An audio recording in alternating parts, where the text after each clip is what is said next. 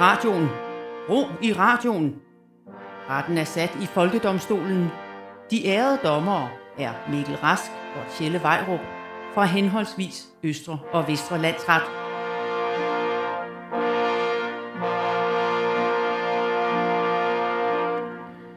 Vær hilset æret dommer Rask. Og vær hilset ærede dommer Vejrup.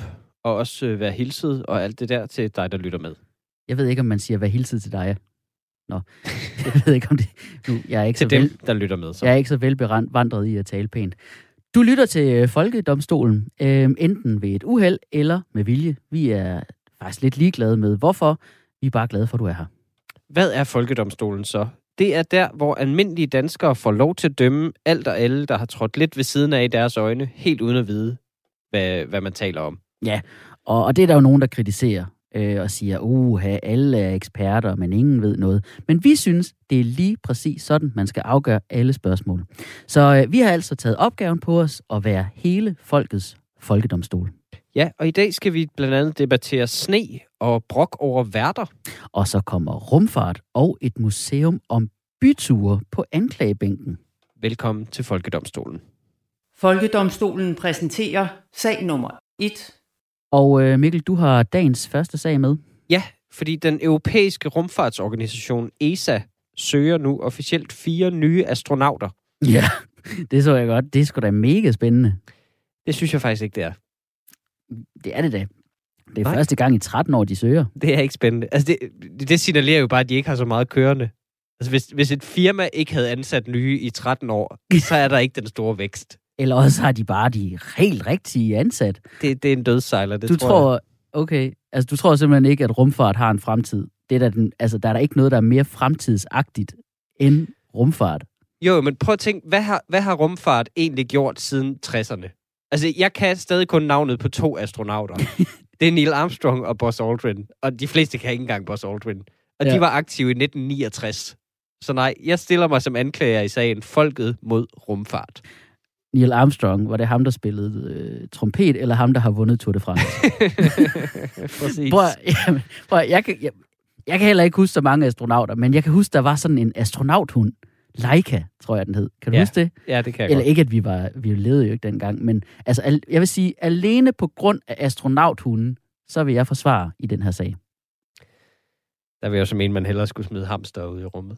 øhm, Hørt. Men jeg vil starte som anklager med at komme med følgende anklagepunkt. Det er spild af penge. Jeg anklager rumfart for at være spild af penge. Er du klar over, hvor meget bedre de penge kunne bruges? Altså, vi står jo midt i en global pandemi, og så vil folk til at lege Star Trek nu. Altså, nu skal vi bruge til at bruge penge på at komme ud i rummet. Jeg har læst, at det koster 2,7 milliarder kroner at sende en bemandet mission op. Ja, Bare greb, send den greb, greb i lommen. Altså, tænk, hvor mange mink vi kunne slå ihjel for de penge Oh, ja. Her under corona. Altså, det er jo, Det er jo faktisk ikke kunne- særlig mange. vi kunne udrydde... så- Nej, det er faktisk rigtigt. Man, man kunne udrydde et par, et par erhverv mere i hvert fald. Jamen, Altså, det, det, det, jeg, når så meget bliver brændt af, synes jeg, så skal de stoppe med at tælle ned til affyringen. Ja. Altså, så det, hvert sekund tæller sig. Det der 10, 9, 8, der røg lige 3 millioner. altså, I timelønninger. jamen, fordi de skal smøle med det og sige, Åh, jeg, jeg har ikke lige fået sele på, og så videre. Ja. Altså, jeg synes simpelthen, det er spild af penge. Ja, okay. Men prøv at høre. så, så lad os da bare stoppe alt udvikling, der, der koster penge. Ikke også?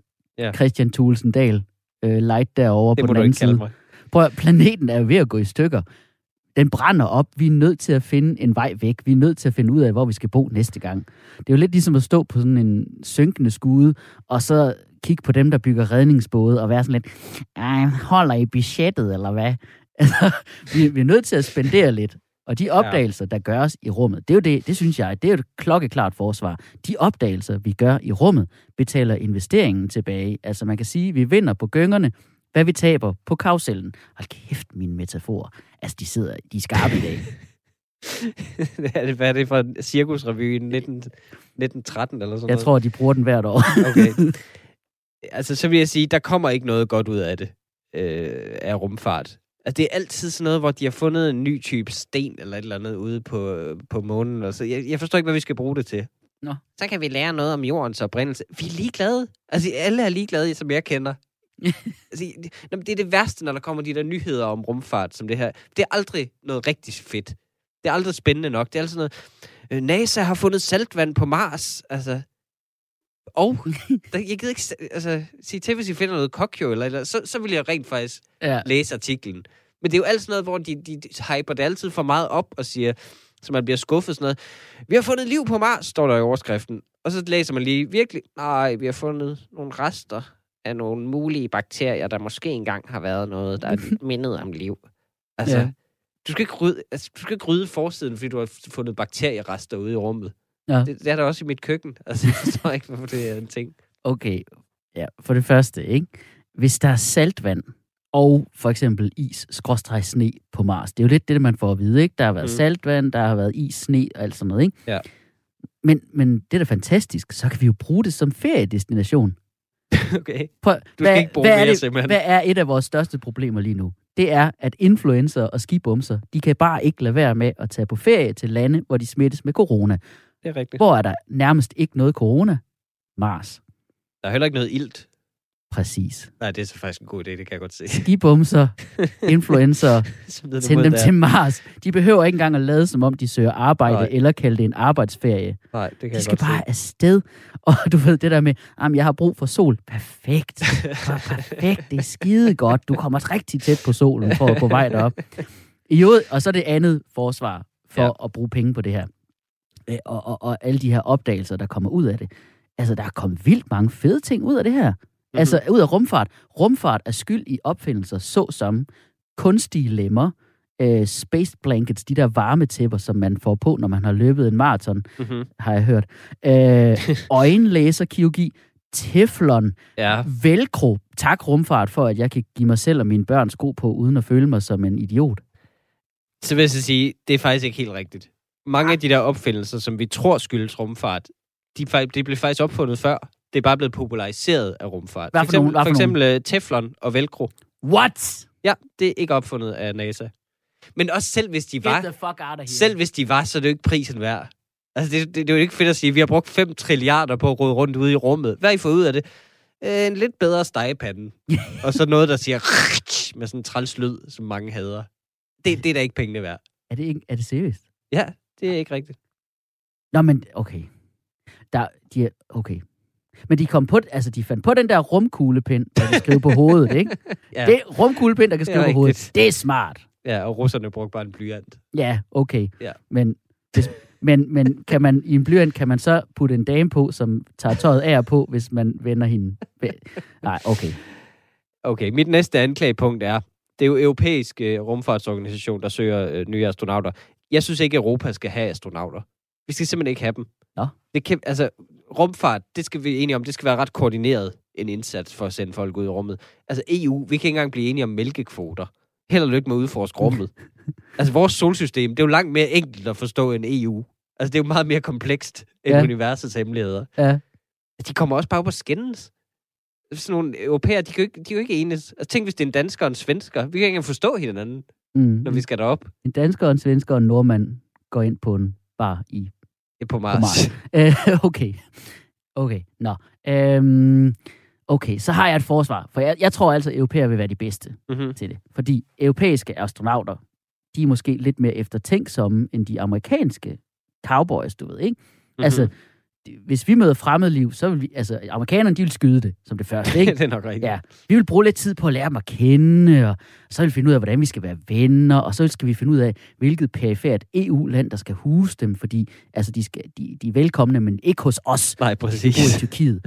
øhm, I øvrigt, en, en anden sjov tanke er jo, at hvis, hvis de her rumvæsener så, så viser sig at være fjendtlige, jamen altså med amerikanerne, så bliver det bare krig, men hvis de møder europæerne, så drukner det hele i byråkrati. Det, det synes jeg jo så er en, er, er en ulempe.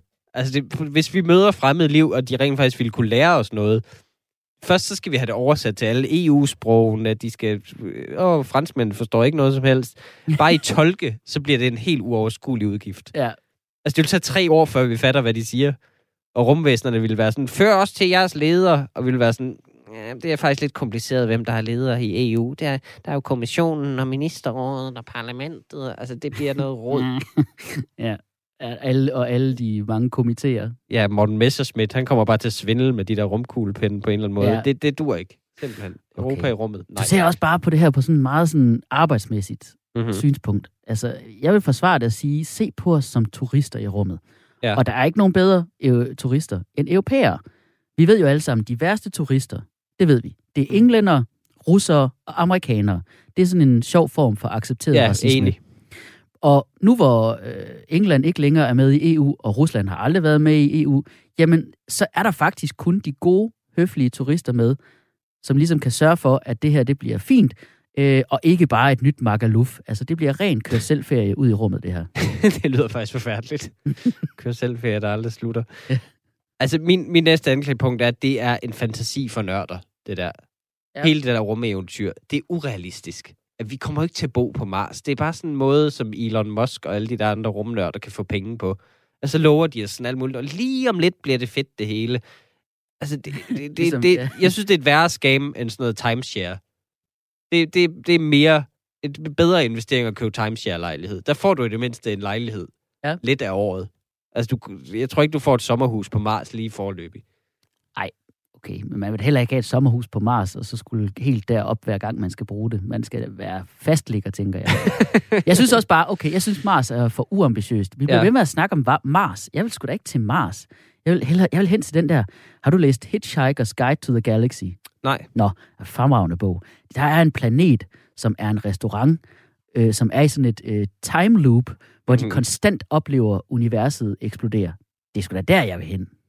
Ja, Det, der kan du se, det er sådan noget, det er sådan noget sci-fi, halløj. Det er jo det, alle tror, at astronaut, det er sådan noget med rumeventyr og Star Wars og sådan noget. I virkeligheden, så er det så røvsygt. Bare se ham, der er den danske astronaut, vi har, som vi også er stolte af, Andreas Mogensen. Du har aldrig set et kedeligere menneske end ham. Ja, så var jeg ude i nul tyngdekraft. Han kunne lige så godt beskrive en DSB-tur eller eller andet. Det er så kedeligt at høre om. Okay. Så har jeg lige et sidste øh, forsvarsargument, før vi skal votere. Ja. Fordi selvfølgelig er astronauter røvsyge. De skal jo være røvsyge. Man vil da ikke, du, vil, du vil da ikke have sådan nogle flamboyante partyastronauter, vel? Hvad skal man bruge party, flamboyante partyastronauter til ude i rummet? I rummet, der kan ingen høre dig skrige, Ej, det, eller synge, eller fyre jokes af. Det skal være kedelige mennesker, ellers så er det spild. de gør det da ekstra kedeligt. De, de annoncerer det sådan åbent. Vi søger nye astronauter, som om det er sådan en ny flaskedreng i Netto. Altså, Ja. de kunne lige så godt have sådan en seddel, man kunne rive af. altså, Ja, men, men så kan man få nogle andre typer ind, altså ja. end de der jeg synes, nørder det, der. jeg synes, det er irriterende. Nå, prøv du er jo bare sur, fordi du ikke selv kan blive astronaut, er du ikke? Jo, det er jeg nok. det er jeg nok. Det, det, det er jo sådan en drengedrøm. Selvfølgelig er det det. Men altså, jeg, jeg, synes, jeg synes, det ville være fint, der var astronaut. Jeg gider bare ikke, at det er nogen, der har det sjovere end mig. Nå, Jeg synes, vi skal sende nogen ud, som man ikke kan blive misundelig på. okay. Altså, Okay, så altså... Man kunne, Også nogen, så, altså nogen, som vi kunne undvære, måske. jeg synes, det ville være lidt for hårdt at gå efter de sådan arbejdsløse eller et eller andet, så måske hvis man kunne finde nogle andre. Altså, Jamen, jo, altså, jeg, jeg, nogle typer, man kunne undvære. Ja. Vil du, jo, det, Er du klar til at afsige en dom? Ja. Jo, det er De kendes for ret. Rumfart er fortsat tilladt så, men vi skal kun sende folk afsted, som vi kan undvære i samfundet. Eller som allerede har meldt sig ud af det i forvejen. Øh, Mads Christensen kunne være et bud. Christian Kær. De resterende medlemmer af Alternativet. Skal vi, øh, skal vi tage en sag mere? Folkedomstolen præsenterer sag nummer 2. Du lytter til Folkedomstolen på Radio 4, hvor vi putter aktuelle sager og trends på anklagebænken og dømmer lige som vinden den blæser. Ja, Og øh, jeg har taget en øh, sag med, som øh, næppe er gået nogens næse forbi.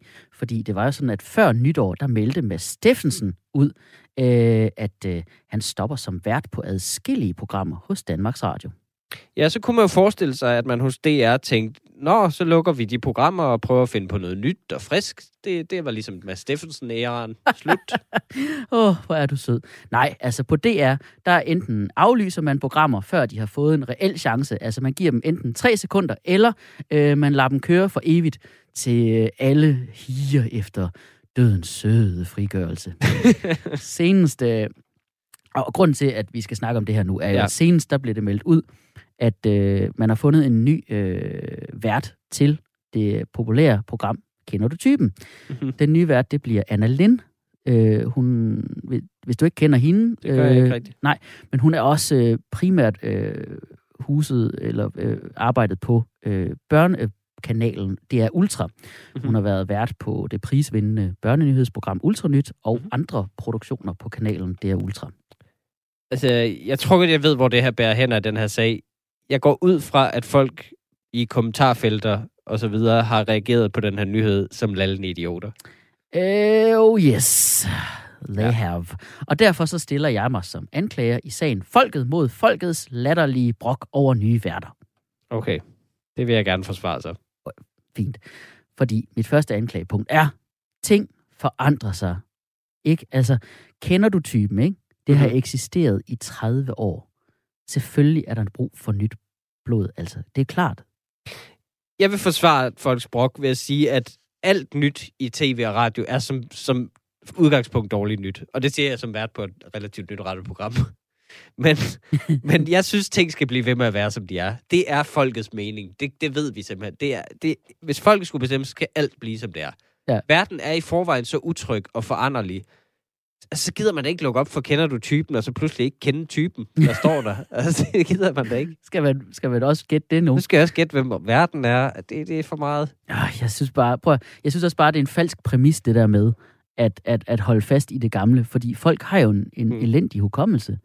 Altså, de glemmer jo, at Mads Steffensen, han var jo ikke den første vært på Kender du typen. Og, Virkelig? nej, og Christian Dein var ikke den første vært på Hammerslag.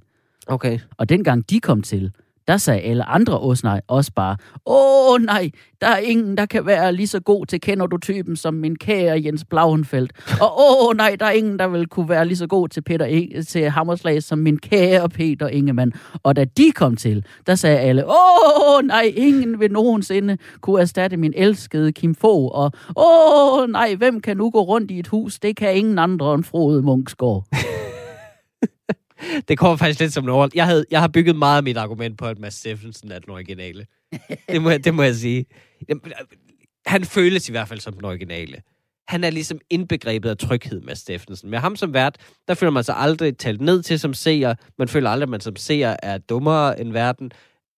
Det, det, han taler ikke i øjenhøjde, han taler i sofahøjde. Ja. Det er perfekt. Okay, så har ham der, hvad Jens Blauenfeldt, så har han været vært på Kære først. Men altså, han, han har ikke været lige så god. Det har han ikke. Nej. Du, du, du, du har da arbejdet i tv-branchen engang. Du ved da, at Jens Blauenfeldt, han, han er sikkert ikke god. Kan, Ja. Har du ikke noget snavs på ham? Øh, ingen kommentarer. Men jo. Men altså, prøv. Okay. Men altså, Spændende. Hvis, hvis folk er så pisse nostalgiske, så burde de jo være rasende over, at man besøger kendte i Kender du typen. Mm-hmm. Fordi, altså, Hvorfor det? når man, det der med, at man tager hjem til kendte, Ja. ja. er jo faktisk en, en, noget, der kom til senere hen. Oprindeligt, så Er i det ikke Ke- konceptet? Nej. oprindeligt Okay. i Kender du typen, der tog man hjem til almindelige danskere, og så sad verden sammen med en eller anden reklamedude i et studie Mm. og fulgte med, og man mødte den person, man besøgte lige med det samme, og så handlede det bare om at gætte, hvad har ham her i skabet? Wow. Og i Hammerslag, det handlede slet ikke om huse i starten. Det handlede om antikviteter. Seriøst? Ja. Okay, altså... Nå, så, det støtter faktisk min teori, synes jeg, at, at det gamle var bedst. Ja. Altså, jeg synes, den gamle udgave af Kender du typen, det lyder fantastisk. Ja. Altså, det tror jeg da alle ville være glade for at få tilbage.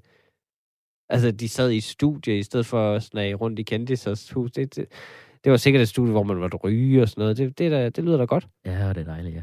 Også anti, altså, antikvitetshammerslag. Det er da en god idé. Altså, det skal de bare indføre igen. Ja. Jeg tror heller ikke, der er flere hus tilbage, snart de ikke har vurderet jo. Ej, man er snart, Så- men, nu tager er man anden runde. Altså, man kan sige, at selve programmet er jo faktisk også en antikvitet, vi skal passe på. Så på den måde kunne man godt lige støve det af en gang. Okay, her er mit næste øh, anklagepunkt mod Mhm. mm. folkets had. Fordi folkets had er jo fuldstændig malplaceret. De retter det altid i den forkerte retning. Mm. Det er jo ikke de nye værters skyld, at Karen og Børge nu skal til at lære nye ansigter at kende. Mads Steffensen sagde selv op. Christian Dein sagde selv op på Hammerslag. Felix Smits sagde selv op på Klipfiskerne. Ja, det er folk også sure over, at han gjorde. Men det, øh, altså, det kan godt være, at folk ikke lige ved det, men altså, det skulle kanalerne da heller ikke have accepteret, så at de sagde op. Nej. Der skulle, der skulle tv-stationen lige have været voksen og sige, Felix, du skal simpelthen ikke have personlig frihed til at sige op. Det burde vægt højere, at jeg som seer skal have en god oplevelse fredag aften. Ja. Men Okay. altså, jeg, og, jeg synes ikke, nej, jeg synes ikke Felix Schmidt er skurken her. Det synes jeg ikke. Med mindre, altså, du også ved noget snavs som ham. Åh, oh, det gør jeg, men jeg siger det ikke her. Det er utroligt. Men altså, okay. Felix Schmidt, man kan jo så se, han kan jo heller ikke bruge den personlige frihed til noget. Han bruger den jo bare på at reklamere for øh, terrasselamper på sin Instagram. Ja. Men hvad så med de nye værter? Ikke? Det er Ja. sgu da synd for dem. for helvede. Nej, de er jo uskyldige. De vil jo bare gerne have et tv-job, ligesom alle andre i det her land. Ej, der synes jeg, at de nye værter, de burde være for gode til at sige ja til de blødpenge, det er at få Felix Smits arbejde. Helt ærligt. Det er en andens stol, de sidder i. Det er en andens livsværk, de går ind og overtager. Øh, overtager. Altså, ligesom- det er som om, de er Mads Skjern i Matador, der kommer og overtager Damernes Magasin. Det er ikke okay, synes jeg. Jeg kan godt lide, at du går så meget op i den konservative vinkel her, at du Ja. snakker med Matador nu. Det synes jeg Oh, jeg, er synes helt bare, på sin plads. Jeg synes også bare, det er ulækkert. Jeg Igen, Synes, det skal også bare køre hele tiden i fjernsynet. Jeg gider Åh, ikke nye ting. Ja, jeg er så træt af Matador. Det slipper bare folk... Jeg synes også bare, det her, det slipper folks indre svinehund løs, ikke? Mm. Fordi pludselig så er det et problem, at det er en kvinde, der skal være vært på Kender du typen. Ja, det er det. Jamen, det er det, det der, hvordan kan det være et problem? Det er jo ikke engang fordi, det er et af den der slags job, som øh, sådan nogle macho-typer normalt vil sige, en kvinde ikke kan klare. Altså, hvad, hvad sidder de nu og siger? Det er det, jeg altid har sagt. Kvinder, de kan ikke pege på en sofa og spørge, hvad man bruger sådan en til. Uha, uh, nu er de ude i køkkenet. Det er der, hun til at høre til. Nej, vent lidt. Ikke gå ind i stuen. Din plads er i køkkenet. Lav hele afsnittet i køkkenet, dame. Altså, der er da, nu, nu skal jeg lige huske, at jeg er beskikket forsvarer her. Jeg, det er ikke min rigtige holdning, men altså, du, du kan da argumentere for, hvad hvis døren binder, og hun ikke kan få den op og sådan noget. Der er der alt muligt, man kan man skal være stor og stærk som Mads Steffensen for at gøre, ikke? Altså, hvad, altså, hvad hvis hun får menstruation midt i en udsendelse? Der, altså, det, jeg siger bare, det kunne ske. og, det, Og så vil, og jeg, det nej, vi ikke så vil jeg også sige, det der med den indre svinehund, at folk sviner nye programkoncepter til og nye værter, det er jo en del af fredagsunderholdningen at gøre det. Det må vi altså ikke glemme. Det er public service, at de skal finde sig i at blive svinet til. Det er jo, det er jo en del af underholdningen. Det er jo os, der betaler deres løn, så teoretisk set, altså så betaler, når vi, når vi betaler licens, hvis vi gør det, så er det os, der betaler for den. Så skal de også, altså, så skal de også finde sig i det. Det synes jeg. Okay. jeg, har, jeg, kan lige, jeg kan lige nå et enkelt øh, anklagepunkt. Okay. Øh, og det er, øh, folk øh, skal simpelthen få sig et liv. Altså, det der, det er noget, der sker Mm. inde i fjernsyn. Det er ikke vigtigt. Det har ingen reel indflydelse på dit liv. Så få et. Der vil jeg sige, i forhold til, hvor meget tid vi bruger foran en skærm, så er det da i høj grad en del af vores liv. Altså, jeg, jeg ser min morfar to gange om året. Jeg ved da meget mere om X-Factor-dommerne, for eksempel. det er rigtigt. Det gør jeg da. Måske skulle du snakke lidt mere med din morfar. Ja, det kan godt være. Øh, måske, ja. Kan han, kan han finde ud af at bedømme sangere? Nej, det tror jeg ikke. Jeg tror, øh, jeg tror vi skal til at... Ja, vi må vide. Vi, vi, jeg tror, vi, skal have brug, vi får brug for et vidne til at hjælpe os her.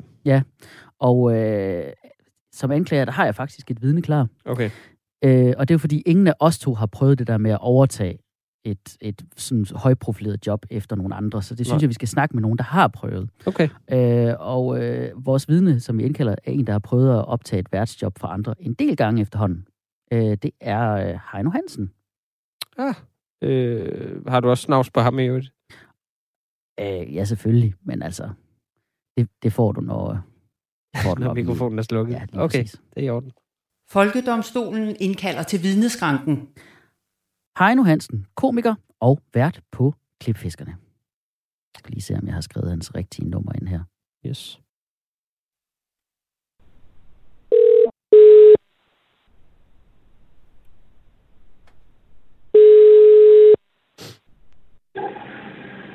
Det er Heino.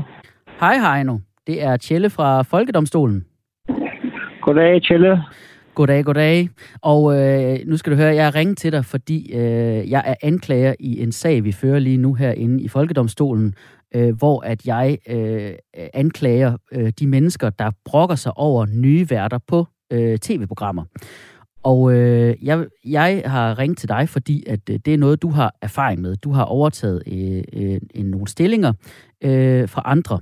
Øh, så kan du prøve at fortælle lidt om, hvad du har haft af oplevelser med brok i forbindelse med, at du har overtaget en stilling fra nogle andre? Jamen, det, det er som ikke det store. Øh, det, er, øh, det er bare en, en øh, otte artikler om øh, klipfiskerne, og så er det halvt år på The Voice. Ja, hvad, kan du fortælle, hvad der skete på The Voice? Radiokanalen. Jamen, der skete det, at jeg var så flabet og, og takke jer til, til en, en, en ledig stilling.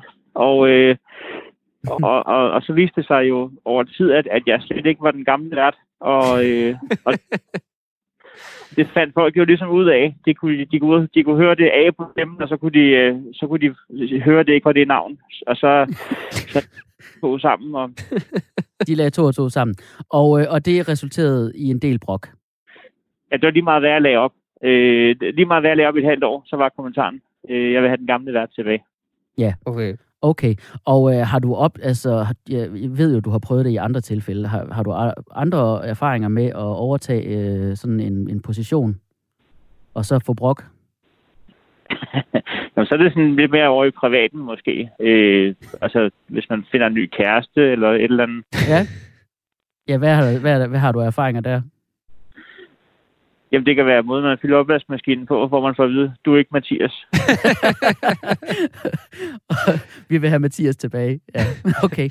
Jamen, ved du hvad, øh, Heino, du skal have tusind tak for, øh, for det. Øh, nu vil jeg overlade dig til Ja. øh, forsvaren. Det er mig, Mikkel Rask. Jeg er forsvarer i sagen, og jeg vil gerne lige øh, krydsforhøre dig. Altså, det lyder jo generelt som ret hård kost. Har du oplevet det, det her med at overtage fra andre som et problem i dit liv? På ingen øh, tænkelig måde. Jeg, Okay. øh, det, det er ret god medicin øh, til, til, til min blodtype, at, at der er lidt modstand undervejs. Mm. Nogle modhager til kæden, så at sige, så cyklen kan dreje rundt. Okay. Det var en god metafor, vil jeg lige sige. Ja. Men, øh, men okay, så det er, faktisk, det er faktisk i virkeligheden en positiv ting, egentlig. Jamen, øh, øh, altså, jeg er jo fra Næstved, og, øh, og, og, og, vores valuta er jo lidt, at, at man kan, at man kan øh, råbe over hækken til naboen, at han er øh, en kaskethoved. Altså. så, så, øh, så jeg tager det sgu ikke så ilde op. Øh, jeg, jeg synes nærmest, at, at især i en, corona, i en coronatid, der kan det næsten være rart, at jeg kan få lov til at diskutere med en journalist på Twitter i et halvt år. Ja, Det okay. synes jeg er glimrende. Men har du ikke noget at sige om dem, der, der ligesom kommer med den her brok? Jo, øh, tak. Jeg, øh, tak, tak, tak. Jeg, øh, jeg, jeg synes, at vi skal være glade for, at nogen gider brokke sig, fordi det betyder, at nogen går op i det, vi laver. Ja. Og hvis ikke, at, altså, hvis ikke vi rørte, hvis ikke radio og tv og underholdning, kultur og politik og alting, hvis ikke det rørte noget i nogen, og, og hvem som helst kunne bestride alle pladser, så var det fuldstændig ligegyldigt, det vi lavede. Ved du hvad? Ja. Tusind tak, Heino, for dit vidneudsagn. Ja. Mange tak skal du have. Ha' en rigtig dejlig dag. Ja, selv tak. Hvem, hvem, hvem, hvem vandt? Det, det finder vi lige ud af, når vi har lagt på. Ja, hej hej. Hej. Okay. Ja, jeg synes, han, jeg, jeg, synes, han, jeg synes, han laver en stærk sag for mig. Ah, ja, okay. Måske har Heino ret. Altså, man, han har jo ret. Den her diskussion, den eksisterer jo kun, fordi vi bliver ved med at tale om det, ikke? Ja. Altså, det er jo bare... Bare der er en håndfuld mennesker på Facebook, der er sure, så er der lige... Altså 100 går mediebranchen fuldstændig ja. amok. Men samtidig så synes jeg heller ikke, vi skal tige det ihjel. Det vil jeg sige. Som Heino siger, så er dem, der brokker sig, det er jo, kan man sige, dem, der, det er jo, fordi folk går op i det. Så det er jo Ja. i virkeligheden ægte fans, der virkelig er investeret i et program, der brokker sig. Ja, okay. Så det bliver et kompromis, hvor der er plads til alle. 10 kendes for ret. Der må gerne komme nye værter på programmer på tv og radio, men for krakilernes skyld skal der være mulighed for et hologram, som man kan trykke på, og så erstattes den nye vært på skærmen af et billede af den tidligere vært, eller nogen man selv vælger. Så kan man for eksempel se, kender du typen med Otto Leisners hoved på Anna Linds krop, og med dronning Margrethes beroligende stemme. Det er det ikke meget godt? Det er kraftet med en god idé. det er virkelig en god idé. Ligesom tegnsprogstolkning, så kan man Ja. bare Lige præcis. lige få, få den gamle vært frem digitalt. Ja. Det må de kunne lave. du lytter stadig til Folkedomstolen på Radio 4, øh, hvor vi gør os til dommer over sager og trends, der fylder netop i dit liv. Ja, og domstolene skal jo arbejde hurtigt for, at sager ikke hober sig op. Det gælder også her i Folkedomstolen. Samtidig så er vi både en dømmende og lovgivende magt her i programmet, så derfor kommer her en række lynhurtige domme og nye love. Folkedomstolen præsenterer Lynjustits. Yes, og nu skal vi til det spændende øjeblik, hvor jeg tænder for musikken. Østre Landsret dømmer hermed Inger Støjberg til at melde sig ind i Nye Borgerlige eller Dansk Folkeparti, så vi andre kan slippe for den her ulidelige ventetid med flytterier mellem Inger og Pernille Vermund og Peter Skorp. Just get a room. Vestre Landsret, øh, det er mig, dømmer, at Inger skal melde sig ind i nye borgerlige, for der er absolut ingen chance for, at hun vil melde sig under DF's faner. prøv at høre. Det er et parti, der er i frit fald, og det passer ikke til Støjbergs ambitionsniveau. Der er større chance for, at hun melder sig ind i enhedslisten. Okay, du gav mig faktisk lige en idé. Øh, Østerlandsret mener, at hun skal melde sig ind i enhedslisten, faktisk. For Okay. så vil hun jævnføre deres rotationsprincip til sidst ende som frontfigur på et tidspunkt. Ja. Og det gad man godt se. Støjberg, der bare sagde, jeg har altid været rød. Se mit hår. Okay. Danmarks nye kunstige vindmølleø godkendes, hvis den samtidig kan bruges som fængselsø. Det kan være for folk, der benægter menneskeskabte klimaforandringer. Så kan de leve der i konstant vindmøllelarm og uden en god udsigt. Komplicerede og dyre fastelavnskostymer til børn forbydes af hensyn til os forældre. Kostymer, der kræver større indsats end et lagen med huller i, udløser fra nu af 5.000 kroner i bøde. Dobbelt straf, hvis det er hjemmelavet. Det er simpelthen ulovligt at have så meget overskud. ja, præcis. Sokkedesigner Mads Christensen har sagt, at fordi nogle kvinder har skrevet en bog med erotiske fantasier om stærke mænd, så stemmer det altså ikke overens med MeToo og feminisme. Mads Christensen er dermed skyldig i ikke at fatte forskel på bøger og virkelighed. Som bevis kan også nævnes, at han tror, den store blærerøv, hans egen bog, handler om, at han skal klæde sig som en klovn. Enhedslistens rotationsprincip, der har skubbet Pernille Skipper ud til fordel for Maj Villassen, indføres hermed hos min lokale pizzamand. Hver tredje dag skal pizzamanden skiftes ud, fordi det simpelthen er pinligt, at den samme mand kan se, hvor tit jeg kommer der. Ja. Danske ulve dør lige nu på mystisk vis. Vi frikender her hos Folkedomstolen de jyske bønder 100% i sagen. Vi skal i hvert fald ikke til at tage deres gevær væk. Seriøst, vi skal ikke tage deres gevær væk. Vi har ikke tænkt os at tage dem væk. Og åh, for, nu forsvandt den røde plet, du havde i panden, Mikkel. Forsvarsminister Trine Bremsen dømmes skyldig i at have krænket forsvaret ved at kalde det en styrelse, og kalde forsvarschefen for styrelseschef. Den teknisk korrekte betegnelse for det danske forsvar er USA's vandbærer. Og for en forsvarschef i Danmark er den korrekte stillingsbetegnelse en svindler med offentlige midler. Tag den, Stine Bremsen fra Alphabet. Vi skal også videre. Det skal vi, ja. Folkedomstolen præsenterer sag nummer 3. Ja, og du lytter til Folkedomstolen på Radio 4, hvor vi anklager og forsvarer aktuelle sager øh, Ja. med vores bagdel. Og jeg vil nu være anklager i sagen Folket mod Snevær. Åh, oh, okay. Ja. Du hiver simpelthen snevær i retten. Det er noget, der har påvirket hele folket i den her uge. Alle har en mening om det. Jeg synes, det skal forbydes. Uden undtagelser. Jamen, det, det skal det. Det skal forbydes uden undtagelser. Helt støjbærsk. Altså, vi skal ikke undersøge alle individuelle snefnuk.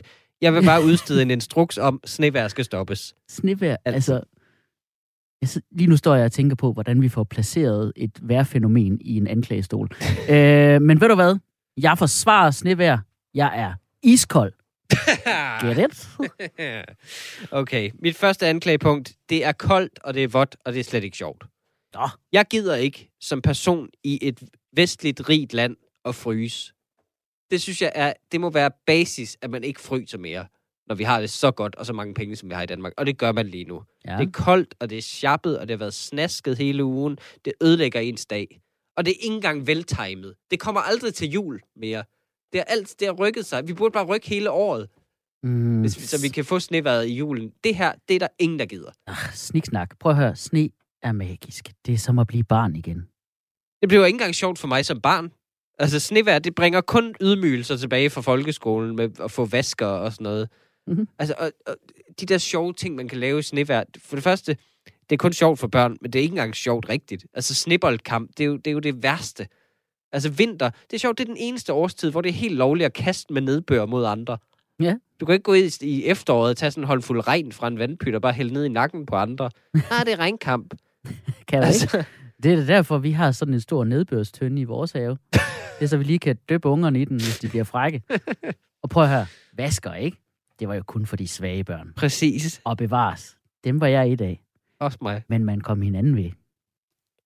Ja, man kom hinanden ved med grus Det i var- hele hovedet. Det var et underligt forsvar, det ved jeg godt. Altså, for det første, en ting er børn, det er slet ikke sjovt for voksne snevær. Altså, vi er aldrig klædt på til det som voksne. Man kan jo vælge med at være grim, eller være klædt, altså, øh, eller være klædt på, så man bliver våd. Man kan Ja. være sådan en freak i flyverdragt, eller få våde sokker. Der er ikke noget derimellem. Men det er en påmindelse om, at vi som voksne skal klæde os praktisk. Og jeg ved ikke, om du har hørt det, men voksne må faktisk godt have flyverdragt på Nej, nu. må jo, ikke. Det, det er måden, der dikterer det. Og elefanthure til voksne er også blevet en ting. Det sgu da for fedt. Ja, det er blevet ting for kvinder på Østerbro, men ikke andre. Altså, det, jeg synes, også selv hvis du er godt klædt på, som voksen er snevær kun pligter. Altså, det er glatte vej, det, er- du skal skovle sne. Det står i loven lige nu, at du skal skovle sne foran dit hus. Ja. Og det ser let ud, det ser hyggeligt ud. Det er sindssygt hårdt. Og det bliver fyldt op igen lige med det samme, fordi det bare bliver ved med at sne jo. Det er så ligegyldigt arbejde. Altså, jeg tænker, så må folk skulle købe en kælk, hvis de vil forbi mit hus. Jeg gider det ikke. Ja, Man skal have vinterdæk på alt muligt lort. Ja, men prøv at, det er ikke det fedeste. Men træningscentrene, de er jo lukket for tiden, og så er det jo bare gratis motion. Ej, tak. Ja, gratis lovpligtig motion. Ja, og vi droppede helt vinterdækkene i år. Vi lader bare være med at køre bil. Det er også bedre for miljøet. Så vil jeg sige, som anklage, vi er begge to familiefædre. Og som forældre, der er snevær et mareridt. Ja. Altså, du, du skal ikke bare rydde sne, du skal igennem hver morgen, når man skal have sine børn ud. Du skal igennem et 45 minutter langt ritual for at få de flyverdragter på. Og vanter og luffer og halsdisser. Alle græder. Alle, altså, ens barns fingre bliver helt bløde, når de skal have luffer på. De kan, nej, de kan sjovt nok ikke lige få vanterne på. Altså, jeg har, jeg har lyst til bare at sætte min søn ud uden vanter, så de kan fryse til is, hans hænder. Det er den eneste måde, han kan få vanterne på, jo. Han gider det ikke. Når de, når så de bliver stive af Ja, kulden. præcis. Altså, man spilder så meget energi på det der snevær. Du spilder 40% af din energi på at jage ham og, og fange ham for at få støvlerne på og putte ham ned i tøjet. Og resten af ens energi, det, det, det er på at råbe af ham, når han alligevel tager det af igen. jeg er så træt af det. Prøv, altså, det, største problem for, for folk i vores generation er jo, at vi ikke føler os nyttige. Og jeg mm. føler mig nyttig. Jeg elsker at føle mig nyttig, fordi det er en kamp at give små børn varmt tøj på. Ja. Men når det så lykkes, så føles det om, altså det føles som om, jeg har besteget forældrenes Mount Everest. Det er, ikke, det er ikke løgn, det er lige så hårdt og koldt. Der er lige så meget sne. Altså, det, jeg synes jo, jeg synes jo, det er så meget hårdere at være forældre i snevejr, end ikke at være det. Prøv at tænke på andre lande, hvor de ikke har sne. Altså, det er jo derfor, vi ikke får lige så mange børn, som folk i varme lande heroppe. Vi får Ja. kun 1,2 barn i snit. Det er, fordi vi ikke gider give flyverdragter på. at det er det, der er skyld i faldende fødselstal. Der er ingen, der gider det lort. At vi tænker vi seriøst så langt frem. Ja, det tror jeg. Det tror jeg seriøst. Der er ikke nogen, der gider det der.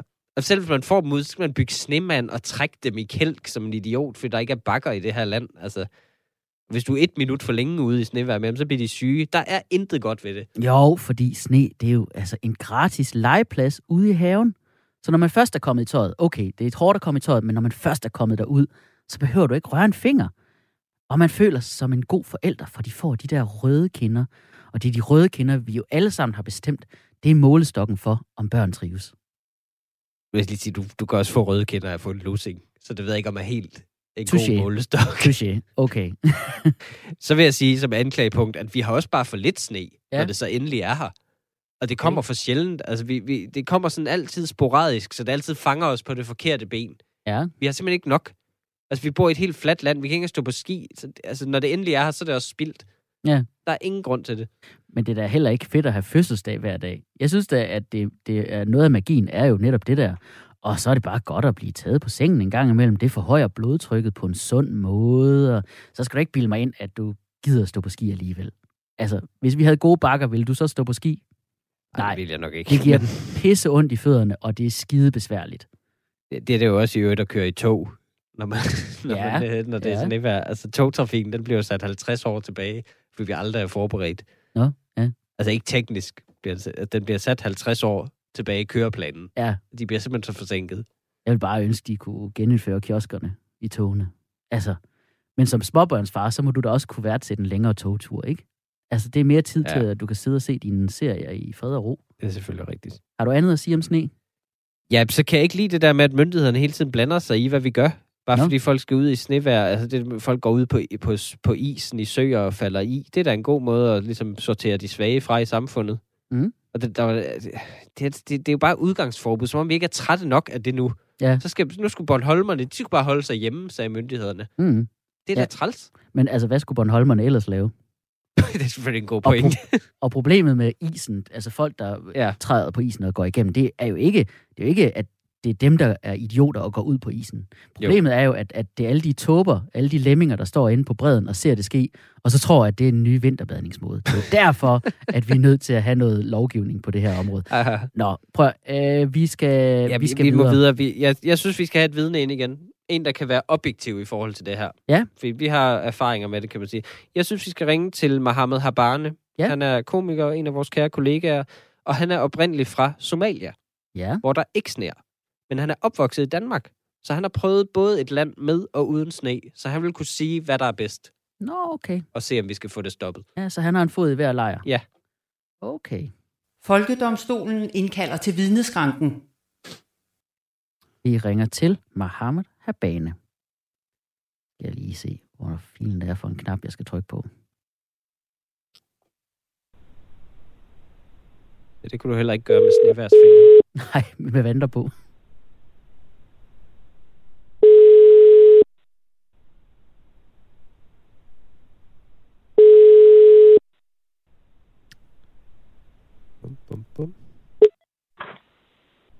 Det er Johannes. Hej Mohammed, det er Mikkel Rask. Jeg ringer fra Folkedomstolen på Radio 4, hvor vi er i gang med at fælde dom på folkets vegne over fænomenet snevær. Og øh, jeg anklager i sagen øh, mod snevær, og jeg vil først lige spørge dig som vidne. Er du født i Somalia? Øh, ja, ja, det er jeg. Okay, og øh, du er opvokset i Danmark, ikke? Yes. Yes. Er det korrekt, at det oftest ikke sner i Somalia? Det er korrekt. Øh, i, I hvert fald de gange, jeg har været der.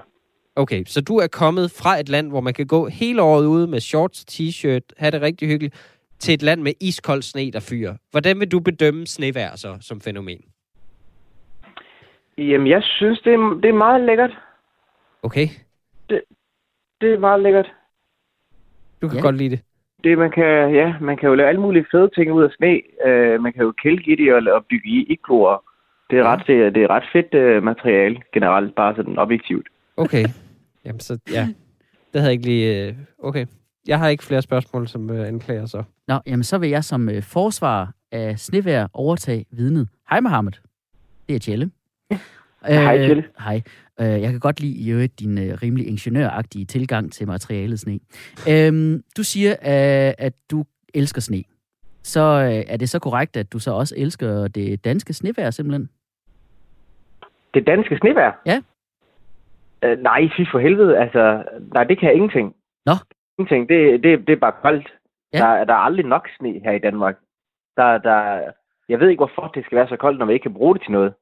Nå. Jeg, jeg har jo ofte øh, flere gange faktisk øh, altså, snakket med min mor om, altså når vi alligevel skulle flygte, hvor flygtede altså længere op øh, nord, Ja. stoppede vi her. Øh, og det, det forstår jeg simpelthen heller ikke selv. Så ja, altså planen var jo Nordpolen, men vi, vi, det var hertil og ikke længere. ja, I havde ikke øh, flere klip på øh, billetten. Nej, det var, det var så den her, det var så zonen, okay. Vi kunne til. Nå, jamen så, så drømmen havde egentlig været Svalbard, men nu er du fanget her med, med gråt sharp. Ja, Ja, sådan noget sharp noget, ikke? Som Ja. ja. er sådan en lille mellemting mellem sommer og vintertiden. Ja. Okay, ja. jamen øh, tusind tak for det, Mohammed. Øh, det har været meget øh, oplysende for os. Du er, du er færdig som vidne. Tak skal du have. Tak for din medvirken. Vil du øh, have en rigtig dejlig dag? I lige måde, dreng. Hej. Hej. Ja, Altså, han var jo lidt imod os begge to, ikke? det må man da sige. Altså, for sne, men synes det danske sne var... Ja, det er lort. Ja, ja. Okay. Men altså, hvis, hvis, hvis I begge to synes, der er for lidt sne, dig, altså både du og Ja, ja, det- Mohammed ja, ligesom det taler om, at I vil have mere sne. Ja, det er Altså, er, er det så ikke okay, at der bare er lidt? Altså, så, så kan os, der elsker det, få lov at nyde det? Jo, men det kan man godt sige. Ja, jeg vil, jo, det, det giver mening. Ja. Jeg, jeg er klar til at afsige en dom, så. Yes. 10 kendes for ret. Snevær frikendes og får lov til at blive i Danmark, så længe der ikke kommer mere. Til gengæld så skal alle, der når det sner, siger, Nå, hvor skete der med global opvarmning? De skal straffes med en vasker. Så vil jeg gerne melde mig på øh, vaskeholdet. ja, hos mig. Folkedomstolen præsenterer sag nummer 4. Velkommen tilbage fra den lille bitte pause, du havde, mens vores retsbetjent Lene lige sagde sag nummer 4. Du lytter til Folkedomstolen på Radio 4, og vi skal til at dømme i dagens sidste sag. yes. Og øh, jeg har fundet en lille historie, som øh, ikke desto mindre fik øh, mig øh, op i, helt op i det røde felt. Det er sådan, at Kulturmuseet i Vejle, øh, det, de havde jeg aldrig hørt om før, men øh, de søger lige nu fortællinger fra dine byture i øh, nullerne og 90'erne.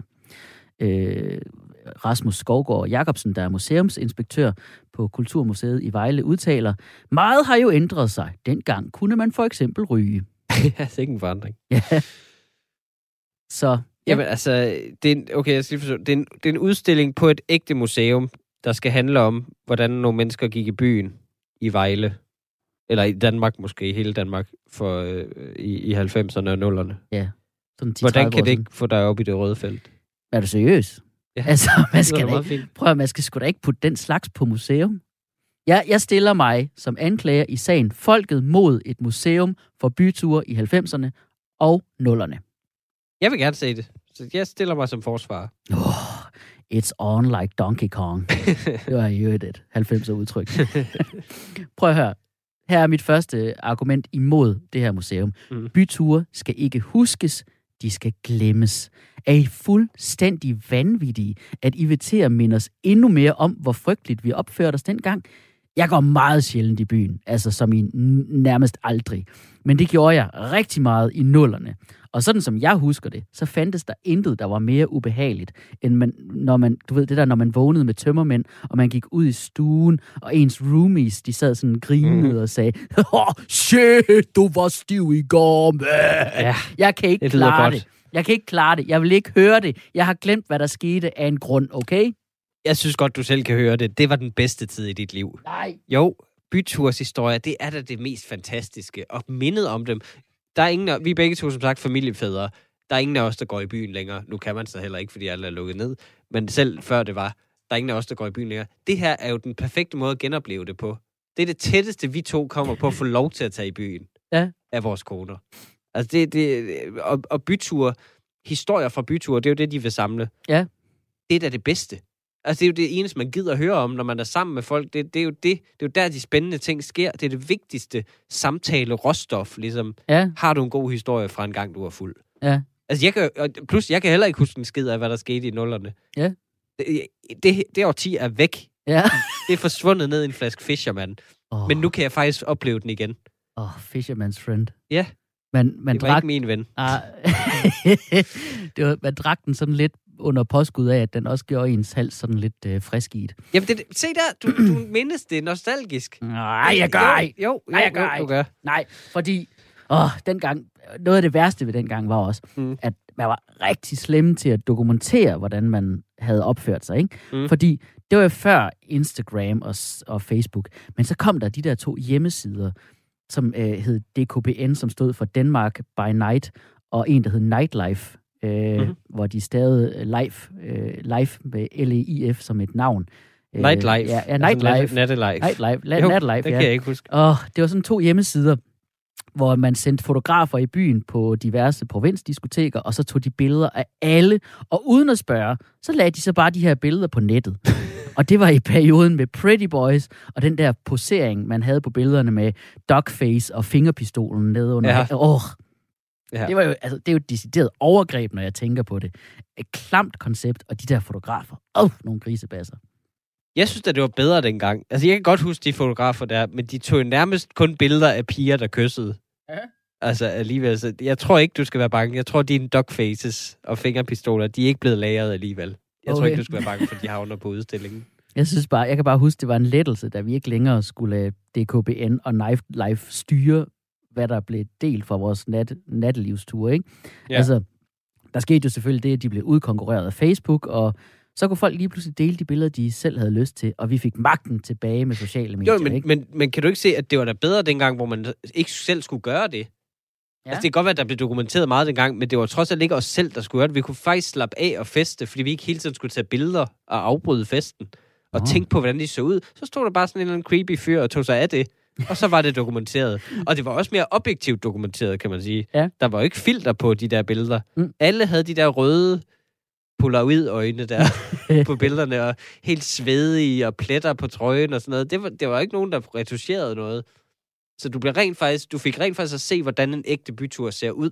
Ja. Det er der jo ingen, der ved længere. Nej. Fordi alt er billeder af folks eget dumme ansigt, hvor man ikke Mm. engang kan se, hvad, hvad, hvad festen går ud på. Ja, Det synes jeg, der er bedre. okay. Ja. Ja. Ah, yes. Ugh, nej. Altså, okay, her er et andet anklageargument. Altså, jeg fatter ikke, at det skal være 90'erne og 0'erne. Altså, når det nu skal være, ikke? Mm. Hvorfor så 90'erne og 0'erne? Der er der langt vigtigere dele af Danmarks historien. Det er da ikke, altså, det er da ikke vigtigt at vide, hvad der blev sagt på Crazy Daisy i Vejle.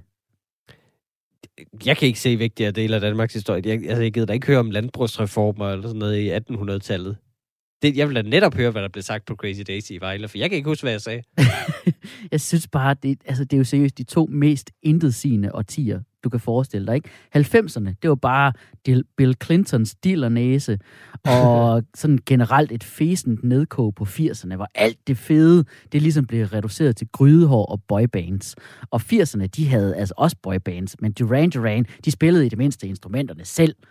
Jeg, jeg har det bare sådan, hvis ikke der havde været Britpop med Oasis og Quentin Tarantino, der lavede film i 90'erne, så kunne vi skylde det årti direkte ud i lokummet.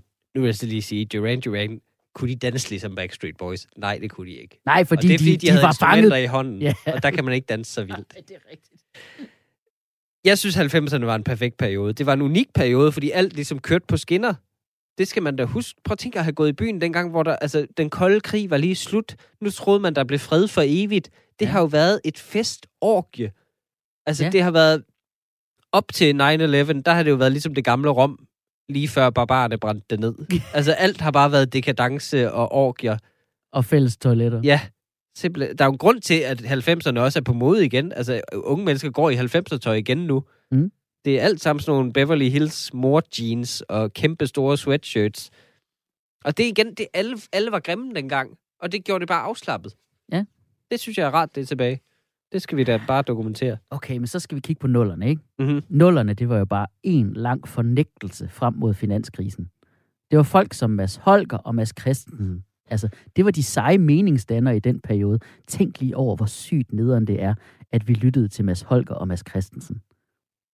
Jeg synes jo, nullerne netop var de bedste festårtier af dengang. Det kan man også se, de to, de har drukket en del. Mm. Altså, det, det var fordi netop, at vi, det var lige før finanskrisen, der var krig i Mellemøsten, så alle tænkte bare, prøv, jeg drikker mig stiv for at glemme det her. Det har været virkelig, der er ingen, altså, man har bare hamret morgen. kultshaker Ja. ned, som om i morgen ikke eksisterede, for det gjorde den formentlig ikke. altså, Åh, oh, kultshaker. Ja. En, en alkohol, hvor, hvor man både bliver træt og frisk. det, det, altså, jeg vil da gerne se en vodka på museum. det vil jeg da gerne. Okay, her er min næste anklageargument, ikke? Det er ikke kunst, vel? Det er ikke kunst. Det skal ikke udstilles på... Altså, bare fordi dit sprøjteopkast fik væggen til at ligne sådan et ekspressionistisk maleri, så er... Altså, du kan ikke kalde en bytur for kultur. At jeg var... Jeg havde nær name, name droppet og lavet sådan en Jason, Jackson Pollock. Jeg vil jo ikke fremstå snobbet, vel? Jo, jeg synes da, det er kultur. Jeg har da netop brækket mig i meget altså, abstrakt ekspressionistiske mønstre og farver. Man skal bare have sådan en isbjørn og en brandbil som drink samtidig. Ja. Og så bare hoppe lidt op og ned. Så bliver det altså rigtig flot. Jeg synes bare, jeg synes bare, vi skal stoppe med at prøve at forsøge at gøre kunsten så, kunsten så folkelig. Mm. Det læfler jo bare for pøbelen. Altså, det er jo et trick for at lokke bunderøver på museum. Altså, de fleste danskere i dag vil jo også kun se på noget, hvis de selv er med i det. Jamen, jeg synes, at det er godt. Altså, det gør da bare det folkeligt, at der er folks byture på museum. Jeg kan, jeg, altså... Jeg, kan, jeg, kan, jeg, jeg synes, det er godt, at vores liv bliver dokumenteret. Det er også meget nemmere at være historiker på den måde. Du Mm. kan bare spørge folk som der. Ja. Kom med jeres byturshistorier. Ja. Det er da super nemt, i stedet for at skulle grave et eller andet lort ud af jorden. Ja. Ligesom i Pompeji eller sådan noget, en eller anden vikingeudgravning. Nej, spørg folk, hvad har I lavet på Crazy Days i 08? Okay. Men prøv at det hele kan koges ned til det her spørgsmål. Vil du Mm. seriøst betale penge for at se den her udstilling? Ja, ja, altså... Jo, hvis jeg var garanteret, at jeg ikke selv var med på den, fordi jeg, jeg synes, man har brug for indrømmet, at man kan vælge billeder fra af sig selv. Ja, Men jeg kunne godt se det sjove i at glo på andres pinlige byture. Det Ja. vil jeg rigtig gerne se. Okay. Jamen, det, er også en, det er en interessant vinkel. Måske er jeg egentlig også mest bange for, at sådan en udstilling vil fremstille mig sådan personligt mig på en pinlig måde, ikke? Nu kan jeg huske dig for dengang, og det, det kan jeg godt forstå. Ja. Det kan jeg godt forstå. Og det kunne også, det kunne faktisk være god læring at tage sine børn med på sådan en udstilling. Og Ja. vise dem, sådan her skal I ikke opføre jer, når I selv skal i byen en gang. Ja. Ja. okay. Det gjorde far nemlig ikke. Ja, Se bare, der er ikke nogen billeder af far her. okay. Jeg skynder mig lige at sige, øh, sige en dom så. 10 kendes for ret. Udstillingen om byture i 90'erne og 0'erne får lov at bestå, men ved indgangen på Kulturmuseet i Vejle skal der være en DNA-scanner, der lynhurtigt kan registrere, hvem gæsterne er, og så sørge for at udskifte alle billeder af lige præcis dem. Det lyder godt. Ja. Og øh, det er heldigvis heller ikke vores problem, fordi det var alt for denne op- udgave af Folkedomstolen, hvor vi fik afgivet dom i sagerne om snevær, brok over nye tv-værter, rumfart og til sidst en museumsudstilling om byture fra vores ungdom. Husk, at du kan høre Folkedomstolen som podcast på Radio 4-appen, Apple Podcast, Spotify eller Podimo. Vi er tilbage igen i næste uge. Retten er hævet.